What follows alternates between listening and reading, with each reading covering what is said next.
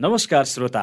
कार्यक्रम स्थानीय आवाजबाट प्राविधिक मित्र सशिन्द्र गौतम तथा कार्यक्रम प्रस्तोता समीसा मोते र म धीरज बस्नेत। कार्यक्रमको तेस्रो अङ्कमा तपाईँलाई हार्दिक स्वागत गर्दछौँ।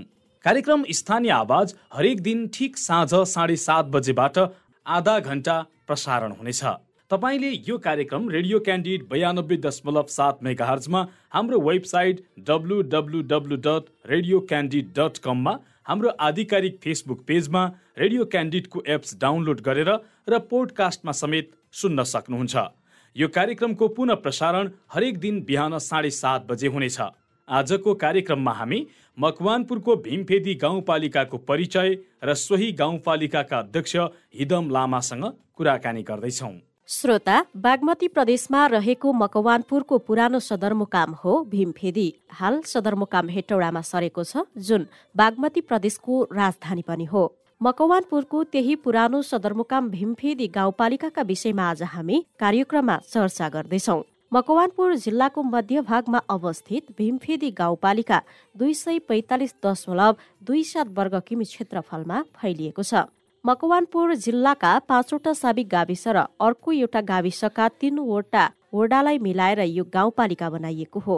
यस गाउँपालिका अन्तर्गतका साबिक गाविसहरूमा भैसे निबुवाटार भीमफेदी कोगटे इपा पञ्चकन्या नामटार रहेका छन्। तामाङ मगर छेत्री जातको बसोबास रहेको यस गाउँपालिकामा नौवटा वडा छन्। भीमफेदी गाउँपालिकाको सिमानामा पूर्वतर्फ ललितपुर जिल्ला पश्चिमतर्फ कैलाश गाउँपालिका र हिटौडा उपमहानगरपालिका उत्तरतर्फ थाहा नगरपालिका र इन्द्र सरोवर गाउँपालिका तथा दक्षिणतर्फ हेटौडा उपमहानगरपालिका मकवानपुर गढी र बकैया गाउँपालिका रहेका छन्। जनगणना दुई हजार अडसठी अनुसार यस गाउँपालिकाको साक्षरता प्रतिशत अडसठी दशमलव आठ रहेको छ जसमा पुरुष पचहत्तर दशमलव चार र महिला अन्ठाउन्न दशमलव तीन प्रतिशत साक्षर छन्। आजको अङ्कमा सोही गाउँपालिकाका अध्यक्ष हिदम लामा कुराकानीका लागि जोडिनु भएको छ। हामीले उहाँलाई तपाईँले नेतृत्व गर्नुभएको चार वर्षमा गाउँपालिकामा के के महत्वपूर्ण काम गर्नुभयो भनेर सोधेका छौँ। पक्कै पनि हाम्रो मुलुकमा हाम्रो देशमा लामो समयसम्म स्थानीय तहमा जन जनप्रतिनिधिहरू अथवा स्थानीय निकायहरू विघटन भइसकेपछि लामो समय पछाडि निर्वाचन पहिलो निर्वाचन भयो। नेपालमा नयाँ संविधान निर्माण पछाडि भएको यो पहिलो निर्वाचन हो स्थानीय तहको निर्वाचन। यो निर्वाचन पछाडि जनप्रतिनिधिहरू आइसके पछाडि पक्कै पनि जनताले जनताको एक्सपेक्टेसन निकै नै हाई थियो। त्यो एक्सपेक्टेसनहरू चाहिँ अब लामो समयसम्म जनप्रतिनिधि नभएको कारणले त्यो एक्सपेक्टेसनहरू हाई हुनु जनप्रतिनिधिहरू आइसकेपछि सबै खालका समस्याहरू समाधान गर्न सकि सक्छ भन्ने खालको चाहनाहरू जनताको हुनु स्वाभाविक हो।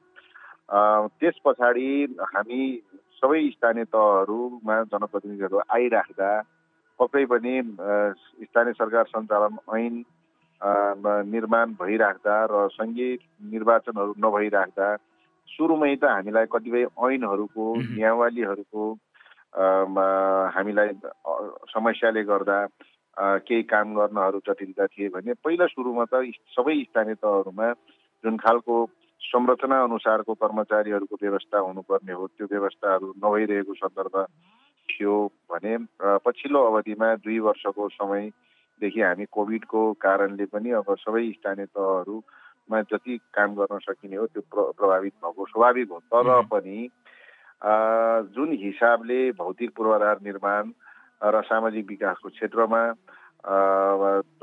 र अन्य क्षेत्रमा आर्थिक विकासको क्षेत्रमा विगत तिस वर्षमा नभएका उपलब्धिहरू हामीले अहिले हासिल गरेका छौँ जस्तो हामीलाई लाग्छ। विशेष गरी पूर्वाधार विकासको क्षेत्रमा चाहे त्यो रोडको कुरा होस् चाहे बत्ती बिजुली खानेपानीका कुरा होस् चाहे अन्य इन्फ्रास्ट्रक्चरका कुराहरू होस् यो चिजहरूमा चाहिँ अद्भुत एउटा परिवर्तन आएको अवस्था देखिन्छ। यद्यपि अझै हामीले धेरै गर्न सकिने चिजहरू गर्न नसक्नुको पछाडिको कारण मैले अघि नै भने जस्तो म अलिकति कुराकानीको सिलसिला जोड्दै जान्छु त्योभन्दा पहिला चाहिँ अलिकति तपाईँले आफ्नो कार्यकालको करिब चार वर्षको अवधि बिताउनु भयो यो अवधिमा सम्झन लायक र यो चाहिँ साँच्चै मैले महत्त्वपूर्ण काम गरेँ भन्ने चाहिँ के के छन् त्यस्ता अलिकति हामीलाई जानकारी गराइदिनुहोस् न। पक्कै पनि हाम्रो स्थानीय तह भनेको वास्तवमा धेरै भौगोलिक हिसाबले जटिलता भएका ठाउँहरू हुन् छन्। त्यस्ता ठाउँहरू जहाँका मानिसहरूले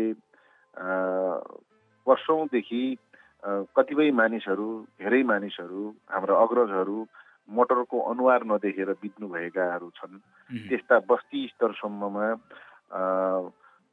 एउटा यातायात चल्ने स्थितिहरू भएको छ जसले जीवनमा नागरिकको जीवनमा एउटा एउटा सुखद पक्षहरू आइपुगेको देखिन्छ सहज भएको छ। त्यस सँगसँगै एउटा खालको सामाजिक विकासको क्षेत्रमा एउटा स्थानीय तहले नै सामुदायिक विद्यालयहरूलाई सञ्चालन गर्नुपर्ने भइराख्दा त्यसको हरेक क्षेत्रलाई सुधारका कामहरू गर्न सकिएको छ। सँगसँगै सबै ठाउँमा एउटा स्थानीय तहमा सुरुमा हामी एउटा पहिलो जनप्रतिनिधि भइराख्दा हामीले एउटा सिस्टमलाई एउटा आधार स्थानीय सरकार सञ्चालनको आधारभूत आधार विभिन्न खालका नीति नियम कानुनहरू निर्माण गरेर सुरु गरेका छौँ। यो नै हाम्रो बिर्सन नलायक बिर्सन नसक्ने कामहरू हुन सक्दछ जस्तो मलाई लाग्छ। तर जस्तो यो त सामान्य कुराहरू भए नि जस्तो यदि तपाईँहरू नभएको भए पनि केन्द्र सरकारले पनि त्यो खालको बजेट विनियोजन गरेर त्यो ठाउँमा चाहिँ यातायातका साधनहरू पुग्नका लागि बाटो बनाइदिने वा भनौँ अब तपाईँहरूले काम गर्न सहजताका लागि एउटा ऐन नियम बनाउनु पर्ने यो त सामान्य प्रक्रिया भयो अलिकति म आएपछि चाहिँ मैले यो गर्छु भन्ने सोचेको थिएँ यसलाई चाहिँ मैले साकार बनाएँ भन्ने त्यस्तो केही छ जुन कुरा तपाईँले एकदमै आफ्नो जीवनमा सबैभन्दा ठुलो उपलब्धि मान्नुहुन्छ। त्यो धेरै चिजहरू छन्। तपाईँले भन्नुभएको जस्तै सङ्घीय सरकारले गर्ने थियो भने तिसौँ वर्षसम्म अथवा पचासौँ वर्षसम्म मान्छेले मोटरको अनुहार देखेका थिएनन्। त्यो धेरै मान्छेहरू मोटरका अनुहार नदेखेर बितेका छन्। त्यस्ता बस्ती बस्तीमा मोटर पुग्नु पनि एउटा बिर्सन नसक्ने चिजहरू हुन्। किनभने त्यहाँ एम्बुलेन्स पुग्छ त्यहाँ जनताको चाहिँ नि उब्जनीहरूलाई चाहिँ सहरसम्म ल्याउने वातावरण बनेको छ। त्यो सङ्घीय सरकारले गरेन। गर्यो गर्छ गर्थ्यो नि त भन्ने तपाईँको कुरामा यो बिल्कुल तपाईँको चाहिँ नि जति पनि केन्द्रीकृत शासन प्रणालीमा जति पनि बजेटहरू चाहिँ नि केन्द्रमै सीमित थिए। हिजो तपाईँको चाहिँ नि जिल्ला विकासमा एउटा एक पाइल पाइप लिनको लागि सिंहदरबारदेखि जिल्ला विकास धाउनुपर्ने जनता आज ओडाबाट प्राप्त भइरहेका छन्। यो हाम्रो राजनीतिक प्रणालीले गर्दा त्यो भएको हो। त्यसलाई स्थापित गर्न सक्नु नै अहिलेको पहिलो कार्यकालको चाहिँ नि हामी जनप्रतिनिधिहरूको भूमिका हो। मैले भन्नुपर्दा के हो त भन्दाखेरि आज भीमफेरी गाउँपालिकाको म प्रमुख भइराख्दा हामीले समग्र क्षेत्रको हामीले त्यहाँ पन्ध्र बेडको हस्पिटलको चाहिँ नि एउटा जुन सङ्घीय सरकारको सँग समन्वय गरेर गरिरहेका छौँ त्यहाँका पुरातात्विक चिजहरूलाई संरक्षण गर्ने त्यहाँका चाहिँ नि अन्य चिजहरूलाई सांस्कृतिक चिजहरूलाई जोगाउनेदेखि लिएर हरेक चाहिँ नि पूर्वाधारदेखि लिएर अन्य पाटोहरूलाई पनि जगेर्ना गर्ने गरी अगाडि बढेका छौँ। शिक्षामा चाहिँ हामीले त्यो खालको काम गरेका छौँ स्वास्थ्यमा सुधारका कामहरू गरेका छौँ। यो वास्तवमा स्थानीय तहको जुन सरकारलाई जनताको एउटा नजिकको एउटा सहयोगी एउटा निकायको रूपमा जनताले अनुभूति गरेको कुरा हो भनेको एक प्रकारले आधार तयार भयो। अब चाहिँ हामी यसरी जाने भन्ने एउटा रोड म्याप जस्तो बन्यो। बस हजुर। मैले अर्को कुरा जान्न खोजेको भीमफेदी गाउँपालिका आफैमा एउटा ऐतिहासिक गाउँपालिका हो। हिजोको दिनमा मकवानपुरको सदरमुकाम थियो भीमफेदी। त्यहाँ पर्यटकीय सम्भावना रहेका थुप्रै ठाउँहरू छन्। तपाईँहरूले त्यसका लागि चाहिँ विकास गर्न त्यसको स्तर उन्नति गर्न चाहिँ के के गर्नुभयो? पक्कै पनि यहाँहरूले मिडियामा हामी त्यति चाहिँ अब मिडियामा नआएको हुनसक्छ। यद्यपि के हो त भन्दाखेरि मैले अघि नै पनि भने विकासको नाममा पूर्वाधार अन्य सडक बनाउने चाहिने स्कुल बनाउने अन्य चिजहरू खानेपानीको ट्याङ्की निर्माण गर्ने ठुल्ठुला बिल्डिङ बनाउने मात्रै विकास होइन। भीमफेदी सामरिक हिसाबले एउटा महत्त्व राख्ने एउटा ठाउँ हो। मकवानपुरको पुरानो सदरमुकाम भएको हिसाबले पनि त्यहाँ धेरै सयौँवटा सय वर्ष पुरा गरेका धेरै चाहिँ नि संरचनाहरू त्यहाँ छन्। त्यो कारणले केही दिन अगाडि मात्रै प्रधान सेनापतिज्यूलाई ल्याएर हामीले ऐतिहासिक चिसापानी गढीको हामीले संरक्षण प्रवर्धन र विकास गर्ने गरी हामीले शिलान्यास काम सुरु गरेका छौँ जसको मास्टर प्लान निर्माण गरेर झन्डै अठाइस करोड को काम यो वर्ष हामी पाँच करोडको काम सुरु गरिसकेका छौँ। त्यसबाट हामी पर्यटन प्रवर्धन त्यो गढीलाई गढीको प्रवर्धन सँगसँगै पर्यटनको एउटा आकर्षण केन्द्रको रूपमा त्यसलाई डेभलप गर्ने गरी सँगसँगै प्रदेश सरकारसँग समन्वय गरेर हामीले तल किङ महेन्द्रदेखि जङ्गबहादुरदेखि क्विन एलिजाबेथ समेतले युज गरेका शिकारमा प्रयोग गरेका हात्तीमाथि राख्ने हौदाहरूको हामीले प्रिजर्भ गर्ने कामहरू गरिरहेका छौँ। त्यसलाई चाहिँ नि भोलि एउटा मिनी म्युजियमको रूपमा डेभलप गर्ने गरी हामी अगाडि बढिरहेका छौँ। यो पनि एउटा पर्यटकको क्षेत्र बन्न सक्छ। सँगसँगै यहाँलाई थाहा छ सुपरिटार ब्यारेकदेखि त्रिखण्डी हुँदै माथि निपुवाटारसम्मको भेगमा यो हिउँद हिउँदमा गर्मी याममा तिन हजार चार हजार मान्छे प्रत्येक शनिबार त्यहाँ मान्छेहरू आउँछन्। त्यो सिङ्गो त्यो राप्ती नदीको त्यो शिर अथवा त्यो राप्ती बेसिनको शिर हो त्यो त्यसलाई चाहिँ एउटा टुरिज्म एरियाको रूपमा डेभलप गर्न सक् सकिन्छ भन्ने हिसाबले हामी मास्टर प्लान निर्माण गरेर हामी त्यो अगाडि बढिरहेका छौँ। वास्तवमा हाम्रो नारा नै के हो भने भीमफेदीलाई एग्रो टुरिज्मबाट मात्र माथि उठाउन सकिन्छ र त्यहाँको मिनरल्सबाट त्यहाँको चाहिँ नि रिसोर्स र त्यहाँको रेभिन्यू जेनेरेट गर्न सकिन्छ भन्ने हाम्रो स्पष्ट कन्सेप्ट हो। र हामीले चाहिँ नि त्यो त्यही आधारलाई मानेर त्यसैको जगमा गाउँपालिकाको चाहिँ नि आय आर्जन गर्न सकिन्छ भन्ने हिसाबले हामीले अगाडि बढेका छौँ र गुरु योजनाहरू निर्माण गरिरहेका छौँ। यो पल्टबाट त तपाईँहरूलाई विद्यालय पनि तपाईँहरूकै हातमा सुम्पियो। खास गरी विद्यालयको त्यो चाहिँ संरक्षण सम्वर्धन प्रवर्धन त्यहाँको शिक्षालाई अलिकति गुणस्तरीय बनाउने जिम्मा पनि तपाईँहरूको काँधमा दिइएको छ। विद्यालयहरूका जति पनि समस्या छन् सामुदायिक विद्यालयहरूलाई अलिकति बलियो बनाउनका लागि चाहिँ तपाईँको भूमिका के रह्यो यो अवधिमा? पक्कै पनि के हो भने समाजमा वर्ग छ समाजमा वर्ग छ समाजमा हुने खाने र हुँदा खाने वर्ग छन्। हुँदा खाने वर्गका छोराछोरी सामुदायिक विद्यालयमा पढ्छन् हुने खानेका छोराछोरीका त्यो वर्गका छोराछोरी उच्च स्तरका एउटा निजी विद्यालयहरूमा पढ्ने गर्दछन्। हाम्रो प्रतिस्पर्धा के हो भने हामी के चाहन्छौँ भने निजी विद्यालय सरको शिक्षा हामीले चाहिँ सामुदायिक विद्यालयमा दिन जरुरी छ भन्ने पक्कै पनि हामीले सोध्नुपर्छ र हामीले त्यो हिसाबले नीति कार्यक्रमहरू पनि निर्माण गर्नुपर्छ भन्ने हिसाबले नै हामी भीमफेरीमा बढेका थियौँ। तर अहिले सबैभन्दा दुई वर्षदेखि शिक्षा क्षेत्र अत्यन्तै डामाडोल छ। इक्जामै नदिकन पास गर्नुपर्ने स्थितिमा आज हामी पुगेका छौँ कोरोनाको यो महामारीले गर्दा। हामीले वास्तवमा सामुदायिक विद्यालयहरूको वास्तवमै भन्नुपर्दा सामुदायिक विद्यालयहरूको स्थिति कमजोर छ। त्यसको विभिन्न कारणहरू छन् त्यसको चाहिँ नि त्यसमा शिक्षकलाई मात्र दोष दिएर पनि हुँदैन। हामीले देखिरहेका छौँ बोर्डिङमा त्यही गाउँका समुदायका मानिसहरूका छोराछोरी बोर्डिङमा पढ्छ भने उसलाई खाने खाजा खाने खाने कुरादेखि सबैको व्यवस्थापन हुने ड्रेसको व्यवस्थापन हुने होमवर्क हेरिदिने तर सामुदायिक विद्यालयमा पढ्ने विद्यार्थीको चाहिँ नि अभिभावकले पनि तपाईँको चाहिँ त्यो कुनै पनि कुरामा ख्याल नगरिदिँदाखेरि पनि समस्या आइरहेको देखिन्छ। त्यो कारणले शिक्षकलाई चाहिँ नि क्यापेबल बनाउने प्यारेन्टहरूलाई पनि एजुकेसन दिने लगायतका धेरै प्रोग्रामहरू सञ्चालन गरेर सामुदायिक विद्यालयको शिक्षाको गुणस्तरलाई हामीले मेन्टेन गर्नुपर्छ भनेर हामी लाग्यौँ। इन्फ्रास्ट्रक्चरको हिसाबले हामीले हाम्रो सामुदायिक विद्यालयहरूलाई सबै हिसाबले वेल बनाइसक्यौँ। तर अब हामी गुणस्तरमा चाहिँ नि फोकस दिनुपर्छ भनेर हामीले विभिन्न कार्यक्रमहरू पनि तयार गरेका छौँ। जस्तो अब भीमफेदी एक प्रकारले भीमफेदी गाउँपालिका भनेको अलिकति ग्रामीण क्षेत्रहरू पनि समेटिएका छन् तपाईँको गाउँपालिकामा। तसर्थ अलिकति यो सामुदायिक विद्यालयहरूको अलिक बढी चाहिँ त्यहाँ भूमिका अलिक बलियो अलिक बढी हुन्छ कि? ती सामुदायिक विद्यालयहरूमा चाहिँ दिइने शिक्षालाई गुणस्तरीय बनाउनका लागि अलिकति यो खालको योजनामा जानुपर्छ भन्ने तपाईँको के थियो योजना? हाम्रो योजना के थियो भन्दाखेरि पक्कै पनि सामुदायिक विद्यालयमा एउटा कुरा त के हो भने सामुदायिक विद्यालयहरूमा सबै हिसाबले भन्ने हो भने हाम्रो शिक्षाकै तपाईँको चाहिँ नि जुन सङ्घीय सरकारका चाहिँ नि के कतिपय नीतिहरूले गर्दा हाम्रो जस्तो भौगोलिक जटिलता भएको ठाउँहरूमा समस्या परिरहेको छ। तपाईँलाई उदाहरणको लागि भनौँ पैँतालिसजना विद्यार्थी बराबर एकजना दरबन्दी भनिएको छ।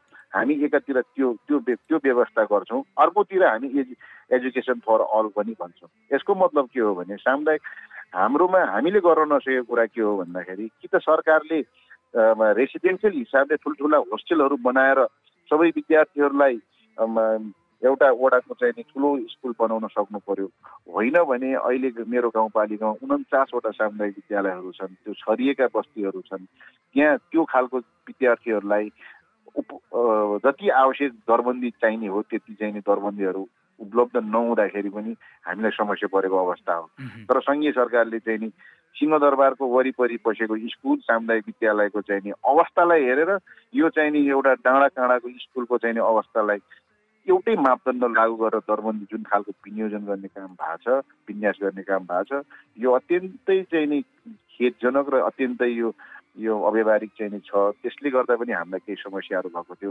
हाम्रो तर्फबाट भनेको मुख्य कुरा सामुदायिक विद्यालयको गुणस्तरलाई सुधार गर्नको लागि पहिलो कुरा त अभिभावकदेखि अनुगमन हाम्रो तर्फबाट अनुगमनको कुरा हाम्रो तर्फबाट शिक्षा शिक्षक साथीहरूलाई चाहिँ नि विभिन्न हिसाबले तालिम दिएर चाहिँ अगाडि बढाउने कुरा त्यो बालबालिकाहरूलाई पनि नियमित गराउने कुरा प्यारेन्ट्सहरूलाई चाहिँ नि पनि एकदमै एवेरनेस गराउने कुराहरू नै सामुदायिक विद्यालयको चाहिँ नि शिक्षाको गुणस्तर सुधारको लागि चाहिँ गर्नुपर्ने पहिलो कदम हो जस्तो लागेर हामीले त्यो खालको अभियान चलाएको यो त शिक्षाको पाटो भयो। अलिकति मैले तपाईँसँग रोजगारीको पाटो पनि जोड्न खोजेको।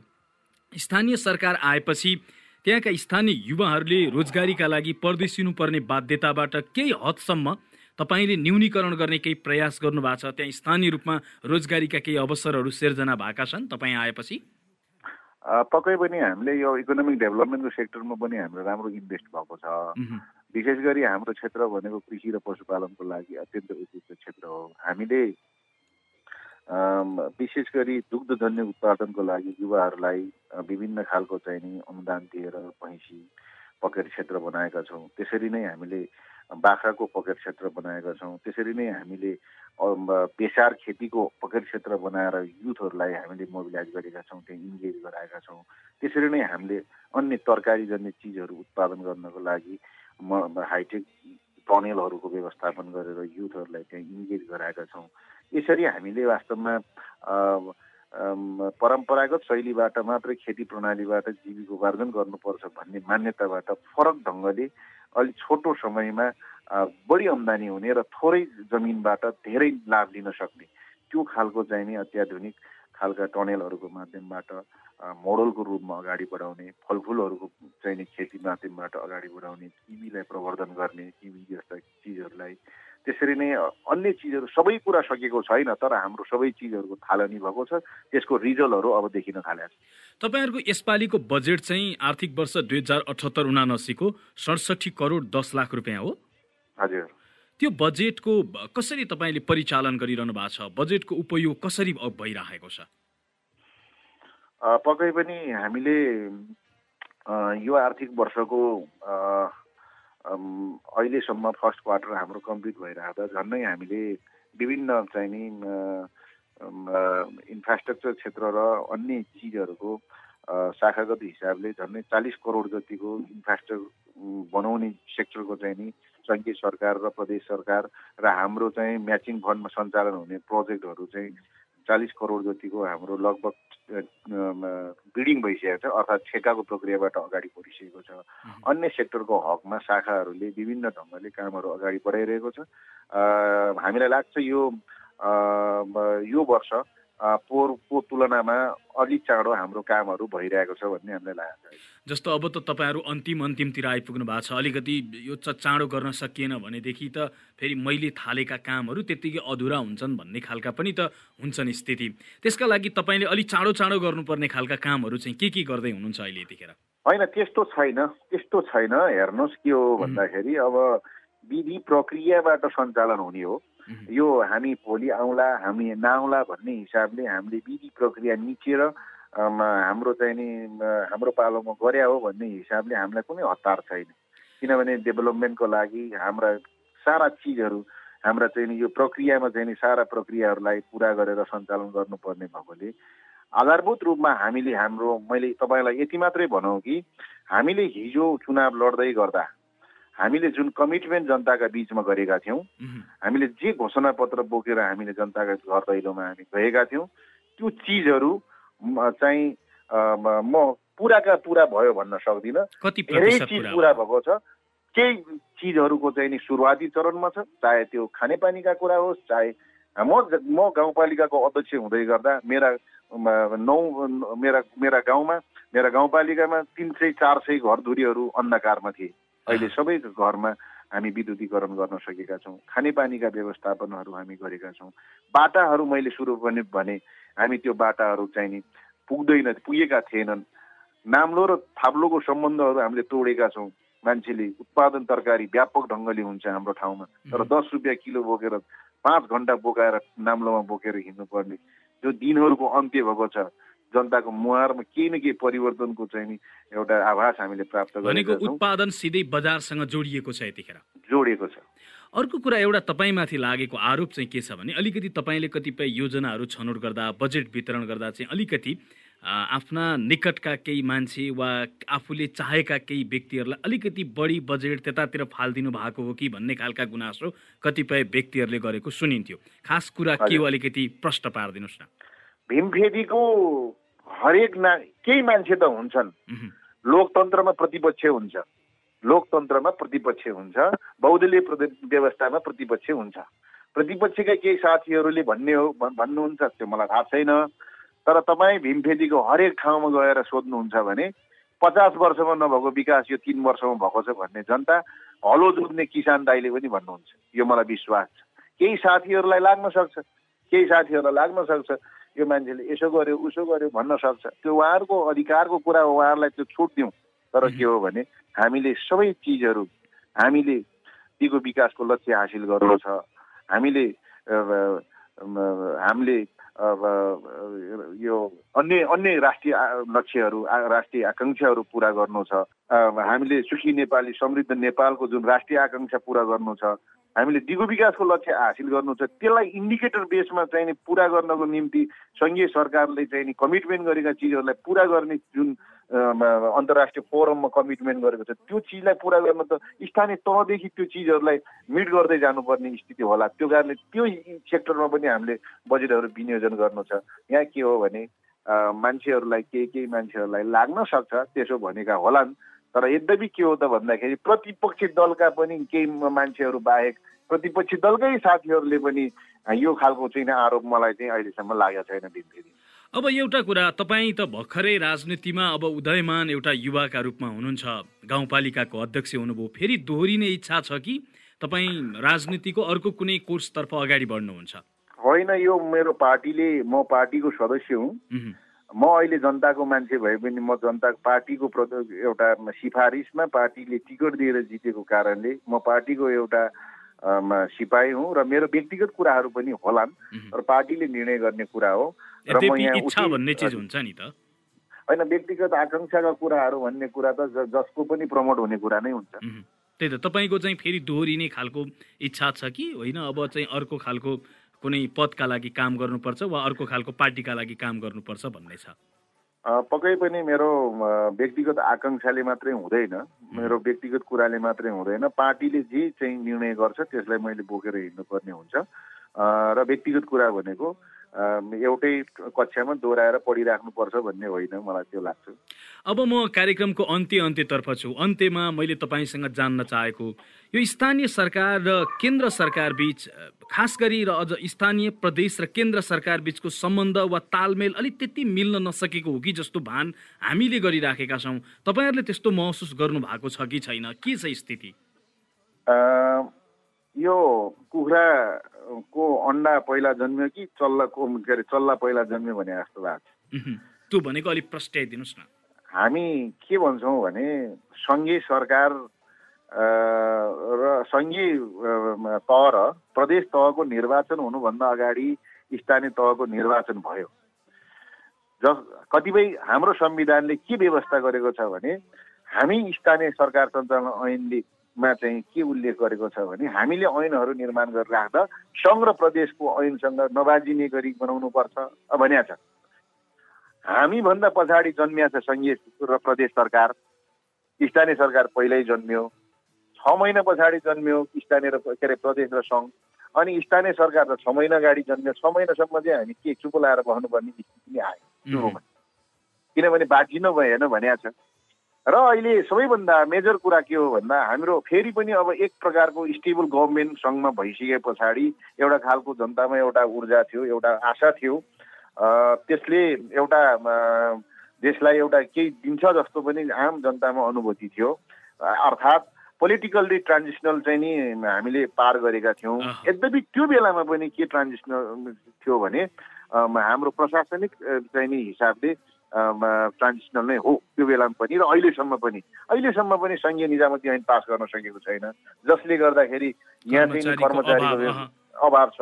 त्यस्तो अहिले लोकसेवा बरु प्रदेश सरकारहरूले लोकसेवा प्रदेश लोकसेवा आयोगहरूले अहिले भट्टाभट चाहिँ नि एउटा प्रक्रिया पुरा गरेर विगतका मुख्यमन्त्रीहरूले जुन खालका चाहिँ नि सरकारले प्रदेश सरकारहरूले एउटा काम गर्यो जसले गर्दा आज स्थानीय तहमा कर्मचारीहरू आउन थाले। होइन भने मेरो गाउँपालिकाको ओएनएममा झन्डै झन्डै सयजना जति कर्मचारीहरूलाई मैले स्वास्थ्यका बाहेक चार पाँचजना कर्मचारीबाट गाउँपालिका सुरु गरेको अवस्था हो नि त। त्यो कारणले हाम्रो देशमा अहिले पनि यो एडमिनिस्ट्रेटिभ सेक्टरमा अहिले पनि ट्रान्जिसनल छ।